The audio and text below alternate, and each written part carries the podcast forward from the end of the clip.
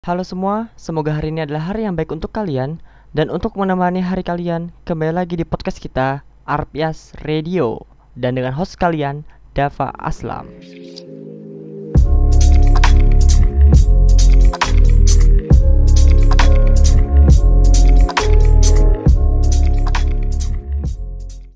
Halo para budak korporat, Eh, lebih tepatnya sih budak magang Ya, kembali lagi sama gue Dava Aslam dari Arpias Radio. Seperti biasa, kalau kalian mendengarkan podcast, kalau kalian di PC atau di laptop, kalian bisa buka YouTube, lalu kalian bisa ngerjain tugas-tugas kalian atau jalanin produktivitas lu seperti biasa. Tapi kalau kalian di HP dan tau lah, kalau di HP kan YouTube nggak bisa dimati layar ya. Di situ di deskripsi, kalau ini nontonnya di YouTube, gue juga udah nyiapin link Spotify-nya di deskripsi jadi santai aja nggak usah nyalain HP kalian sampai panas karena udah ada Spotify di podcast gue gitu. Nah episode kali ini gue bakal ngebahas tentang magang. Ya seperti tadi opening gue tentang magang karena magang itu punya banyak cerita buat gue dan berkesan. Karena kan gue lulusan SMK gue multimedia dan gue ngalamin itu dong. Gue pengen berbagi pada kalian yang pengen magang yang udah magang ataupun yang nggak ngerasain magang di sekolah. Jadi jadi jadi jadi gini loh. Gue magang itu kan sekitar kelas 11 atau kelas 2 SMK gitu.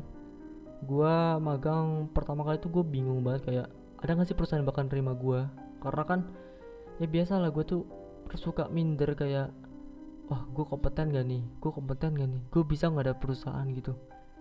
Dan ya bisa the power of orang dalam lah. Jadi cerita aja tetangga gue itu kan uh, punya jabatan lah gitu di perusahaan yang lumayan besar perusahaan minyak. Dan karena minat gue di TI teknik teknologi informasi gue di IT ya gue minta aja di IT karena kebetulan dia juga jabatannya di IT gitu. Jadi gue masuk dan langsung diterima. Ya kayak gitulah gitu. Selainnya gue nggak punya cerita yang menakjubkan banget waktu awal-awal gue nyari magang. Namun uh, cerita yang paling paling berkesan adalah ketika gue udah mulai magang. Hari pertama gue magang itu gue nggak expect sih kayak gue masuk kantor nih. Kantor yang gede yang yang gue bilang itu mungkin kalau orang mau kerja di situ sangat sulit gitu karena ya ini kantor minyak coy. Perminyakan coy. Nggak ada kilangnya ya nggak ada tambang ya. Ya kali di kantor ada tambang. Jadi gue mikir kayak wah ini kantor gede banget. Gue merasa aja kayak wah gue mantep kali udah masuk sini gitu. Gue duduk nih di ruangan gue itu kayak waduh orang-orangnya gimana ya? Kayak ngeri aja sih kayak gue tuh kayak perilaku gue formal banget terus gue kalau ketemu orang ya mari pak. Mari bu. Gitu. Padahal kan gue orangnya aduh rada-rada mager ya. Cuma ya demi muka sih gue kayak mari pak. Mari bu. Kayak gitu. Terus uh, tiba-tiba gue dibilang Dava kamu ini ya uh, ikut conference. Pusat gue semikir kayak hah? Conference? Seriusan lu anak magang conference? Gitu. Dalam hati gue kayak gitu uh, eh, gue ikut tuh gue ke lantai atas dan itu kan awal tahun ya beneran awal tahun gitu. Habis tahun baru besoknya udah kerja kayak gitu. Dan itu udah kayak ada sambutan perusahaan sih kayak ini perusahaan nih visi misi tahun depan gimana gimana gimana? Terus uh, ngasih semangat ke pegawai-pegawainya. Dan habis itu sih makan bersama. Ya gue senangnya pas makan bersama doang karena gue beneran nggak ngerti dong apa yang apa yang perusahaan bahas pas lagi conference. Karena kan gue juga orang baru dan gue pun magang. Gue nggak paham. Gue makan gitu dan ya udah soalnya gue berjam-jam itu cuman conference kayak gitu doang. Setelah pulang nggak bisa selesai. Gue ngerasa kayak santai ya. Pas gue tanya teman-teman gue katanya teman-teman gue tuh udah kerja yang macem-macem. Semisalnya aja udah mulai yang foto nih udah pada asis foto asli foto itu lumayan capek sih kayak lu harus banget ngebawa peralatan lu harus setting semua alat dan macam-macam lah gue nggak bisa jelasin karena magang gue kan bukan di bidang gituan.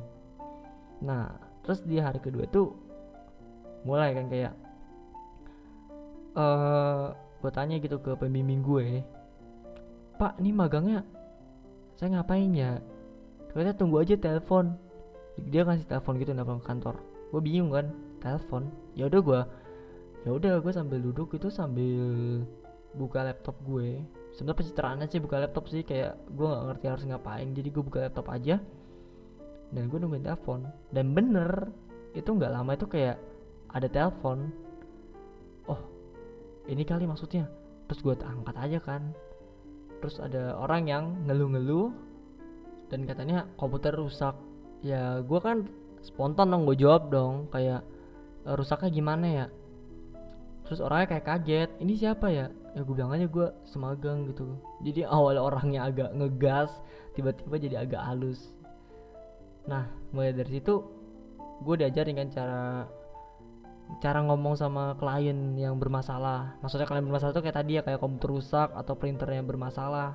Itu udah kayak makanan setiap hari lah gue di kantor gue diajarin cara ngomongnya gue diajarin prosedurnya dan ya gue kerja. Pertama sih di bulan-bulan awal itu sih ya sebagai siswa yang gue meninggalkan sekolah itu dua bulan ya gue ninggalin sekolah dua bulan ya gue seneng dong di bulan awal kayak wah seru nih nggak ada tugas nih nggak ada PR nih nggak ada ya caci maki guru lah. Tiba-tiba uh, apa yang gue senang itu rada berubah aja pas di pertengahan gitu. Kayak wah kerja itu kurang enak. Jujur aja sih kayak kerja dalam kantor itu kayak bosen sih. Mungkin karena gue orangnya rada aktif ya. Gue kan kayak suka bikin ini bikin itu eksperimen ini eksperimen itulah di komputer gitu. Dan kalau di kerja kantor kan ya udah ikutin prosedur kantor aja dan gue ngerasa agak bosan aja sih. Cuma ya semakin lama ya gue bakal kayak membiasakan diri aja. Tapi kalau gue bilang sih prakerin gue itu magang gue itu lebih enak daripada teman-teman gue loh. Karena banyak banget teman-teman gue yang magang itu cuman kayak jadi babu. Ya ini beneran nih ini serius nih. Temen gue magang itu kayak kantor itu nggak ngasih apresiasi. Sebenarnya kan orang magang sih cuma mau belajar ya. Jadi orientasinya bukan uang ya bukan gaji gitu.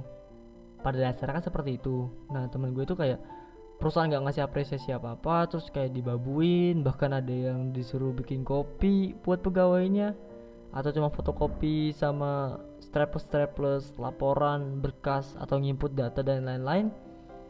Ya gue sih rada kasihan tapi gue ngerasa kayak wah gue masih bersyukur nih gue masih kompeten.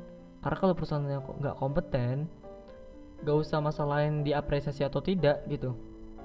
Karena kalau perusahaan lu nggak kompeten ya ketika lo mau mau melakukan pengambilan nilai ya udah lu bakal kena masalah sama pembimbing lu sama penyidang lu nanti.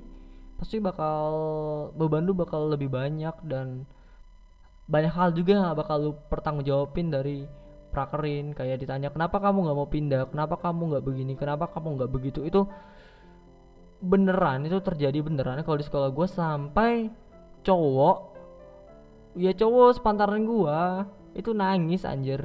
Padahal cowoknya bukan cowok-cowok yang dalam tanda kutip lekong ya atau rada apa ya rada kecewe-cewean. Tapi nangis sumpah.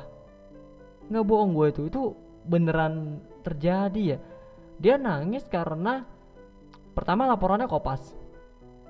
Yang kedua yang gue denger denger sih kayak uh, dia di perusahaan yang kurang kompeten gitu. Jadi begitu ditanya karena hasil kopas dan mungkin dia tidak menyimak isi dari yang diambil dari internet itu ya dia nggak bisa jawab dan itu dia mungkin merasa tertekan ya udah. Jadi kayak mampus aja dia kalau gue bilang.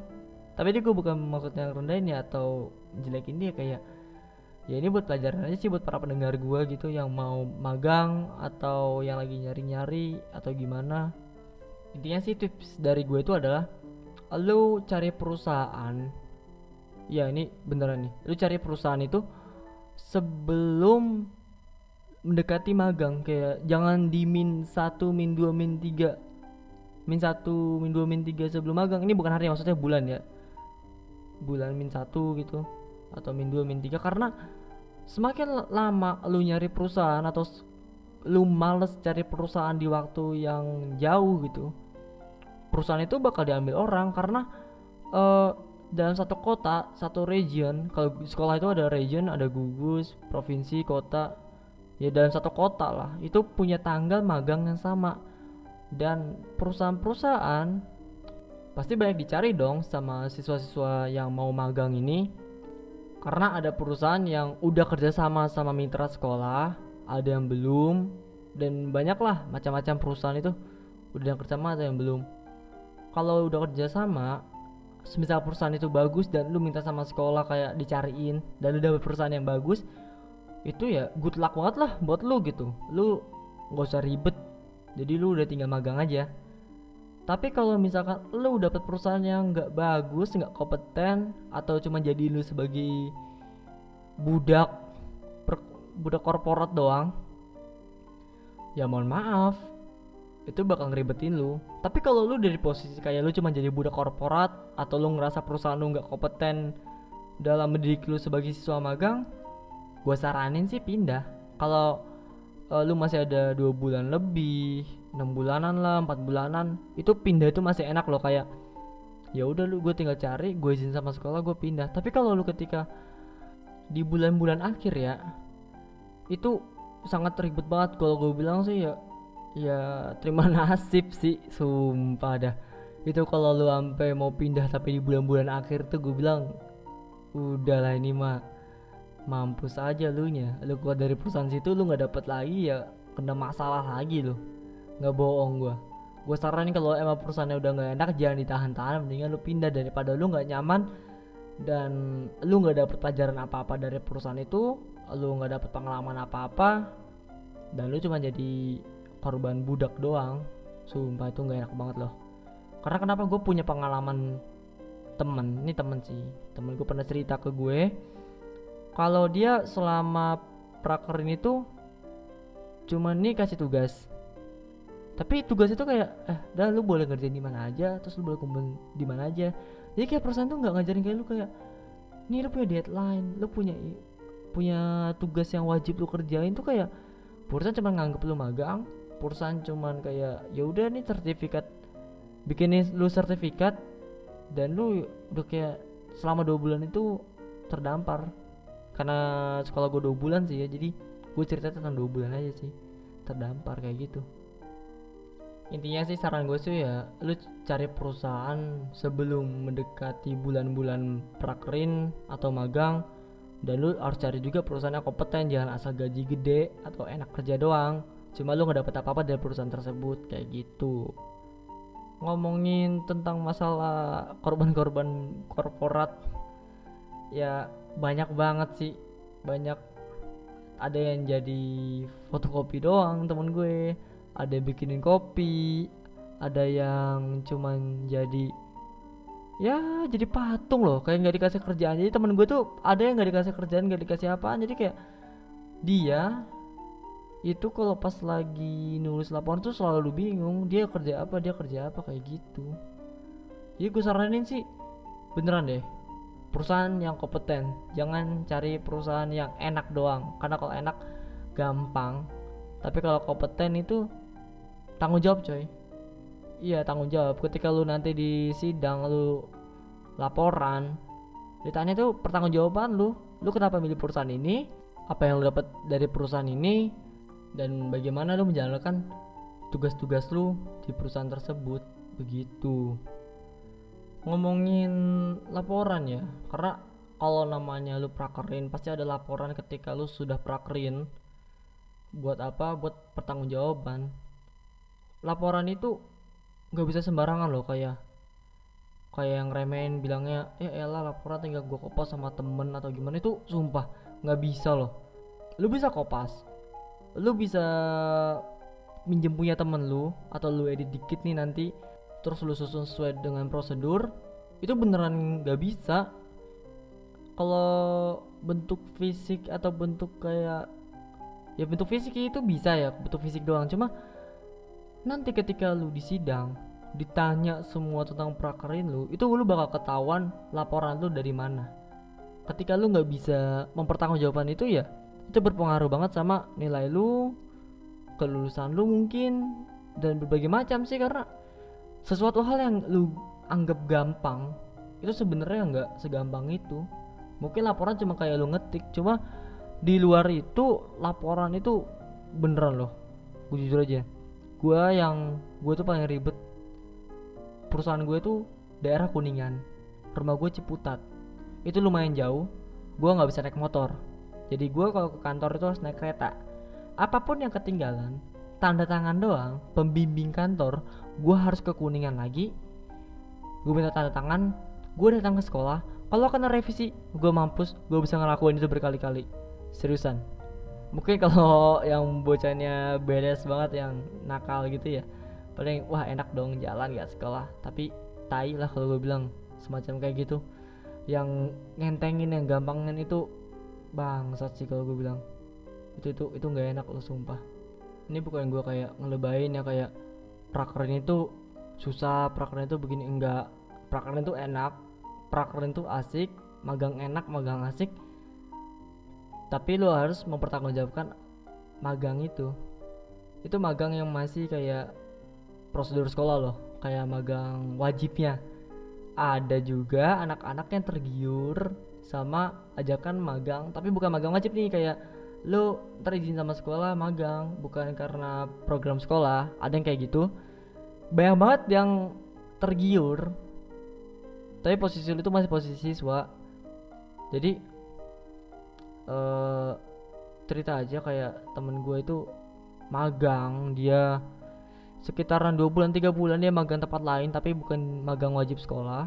Dia cuman kayak dapat undangan aja dia ikutin pas awal-awal tuh dia cerita kayak magangnya asik enak gitu. Dan baik juga teman-teman gue yang ah pengen magang pengen magang. Tapi pas ujian mampus dia. Tugas dia itu semua ketahan coy. Karena kan dia magang itu kan berarti ninggalin pelajaran. Dan tugas tinggal ada yang turun nggak ada yang iya nggak ada turun lah gitu. Dia ninggalin itu dan mungkin dia lalai juga dia lupa sama posisi dia sebagai siswa. Dia nganggap dia udah beneran kerja. Ketika dia balik dia banyak banget tugas yang numpuk. Ini jangan sampai diikutin kalau misalkan lu mau magang di luar dari uh, prosedur sekolah. Bukan prosedur sih kayak lu mau magang di luar dari magang wajib lu harus uh, mikirin tanggung jawab lu juga sebagai siswa gitu. Kadang suka ada anak adik kelas gitu yang nanya sebenarnya tujuan magang itu buat apa sih? gitu. Tujuan magang itu simple. Lu belajar gimana dunia kantor? Seriusan. Kalau kantor lu bagus beneran kantor dan mereka mendidik lu lu bakal tahu dunia kantor tuh kayak gimana adabnya gimana cara ngomong sama atasan cara ngomong sama kerabat itu gimana. Tapi kalau misalkan kantor lu ya cuman sekedar dibabuin doang diri lu ya ya udah lu bakal gitu-gitu aja. Kayak manfaat magang itu manfaat prakerin itu nggak lu dapetin. Begitu kalau menurut gue uh, selama lu praker atau magang gue bilang banget nih orientasi lu jangan duit sih seriusan. Ketika ekspektasi lu udah duit udah duit dan ketika lu dapetin misalkan lu dapetin gaji lu nggak sesuai dengan perjanjian atau nggak sesuai dengan kata-katanya ya lu bakal kecewa banget sih seriusan. Gue punya temen yang dia magang mungkin di suasana kantor yang begitu begitu formal gitu terus uh, katanya ya bosnya itu pelit. Dia kerja udah kayak dibudakin katanya. Ya terus setelah magang dia bilang kalau dia nggak mau kerja. Nggak mau kerja sama orang. Gue nggak tahu maksudnya dia nggak mau kerja di kantor atau nggak mau kerja sama orang atau gimana. Itu keputusan yang salah sih. Karena kan gue bilang nggak semua kantor seperti itu ada kantor yang uh, sifat kekeluarganya itu bagus. Ada kantor yang ya kayak dia. Macam-macam sih sebenarnya. Lu nggak bisa nyalain satu hal kayak gitu. Seriusan deh. Selain dari itu semua yang gue sebutin sih hubungan lu sama temen. Jadi ketika lu magang itu kalau tempat gue itu lu magang nggak bisa sendiri. Jadi lu harus punya teman minimal satu aja jadi temen lu. Hubungan sama temen lu tuh harus baik karena ya yang bakal mengerti apa yang lu alamin cuman temen lu doang. Ya kali lu bakal cerita sama karyawan di sana kalau kantornya gini gini gini kan nggak mungkin. Yang bakal ngertiin lu ya dia doang. Dan pastiin lu percaya sama temen lu. Kalau bisa saja kayak sahabat tongkrongan di kelas lu itu lebih enak sih. Karena itu doang yang bisa lu percaya. Dan kalau ada masalah apa-apa temen lu gue yakin pasti bakal ngebantu lu dari pengalaman seseorang ya dia temen gue dia prakerin tapi temen-temen yang kerja bareng sama dia di kantor itu nggak enak. Jadi kayak kantornya emang kantor itu kata itu emang nggak enak. Dia merasa dibudakin dia bilang ke temen-temennya kalau bisa kita pindah yuk bareng-bareng gitu. Nah temen-temen itu kayak orangnya tuh kayak males-malesan gitu loh. Kayak dia tuh mikirnya cuma duitnya doang. Jadi ya susah juga. Ke sekolah atau mau ke sekolah pun pasti sekolah bakal nanya kayak teman kamu betah teman kamu begini. Ya ribet juga sih punya temen yang kayak gitu. Ngomongin masalah teman selama prakerin ya temen gue sih gue bilang paling asik paling mantep juga kalau gue bilang. Dan gue punya pengalaman yang sedikit konyol karena gue sama temen gue abis tugas kita naik lift kan dari lantai 3 ke lantai 6 lagi kan. Karena lantai 6 itu kan base camp kita gitu. Base campnya IT lah di situ. Terus tiba-tiba aja liftnya mati coy. Liftnya mati gue bilang ke temen gue coy lu pencet ini dong tombol yang ada loncengnya gitu kayak tombol peringatan lah tombol emergency. Terus kampretnya dia ketawa-tawa coy bilangnya gue aja gue aja. Disuruh gue gitu. Pusat gue bilang ini bocah ngapa ya? Masa kan gue bilang itu dia tiga pencet liftnya kagak mati kagak mati lampunya gitu kan. Tinggal dia pencet terus kagak mau malah tawa-tawa. Buset. Dalam lift tawa-tawa coy. Dalam lift yang belum mati ketawa-tawa. Gila gue bilang. Itu sih pengalaman gue yang gue bilang ini magang asik cuma capek. Gimana ya gue jelasin gue gitulah. Magangnya asik cuma ya kalau lu jalanin ya lu bakal ngalamin banyak hal banyak rintangan. Tapi kayak gitulah kehidupan. Mungkin segini aja podcast gua. Sorry kalau misalkan podcast gua kali ini nggak jelas karena gua lagi nggak konsepin tentang podcast ini. Gua nggak ada skrip khusus buat podcast tentang magang ini. Tapi semoga poin-poinnya bisa lu dapetin Thank you udah dengerin podcast gue dan stay tune terus di Arvias Radio.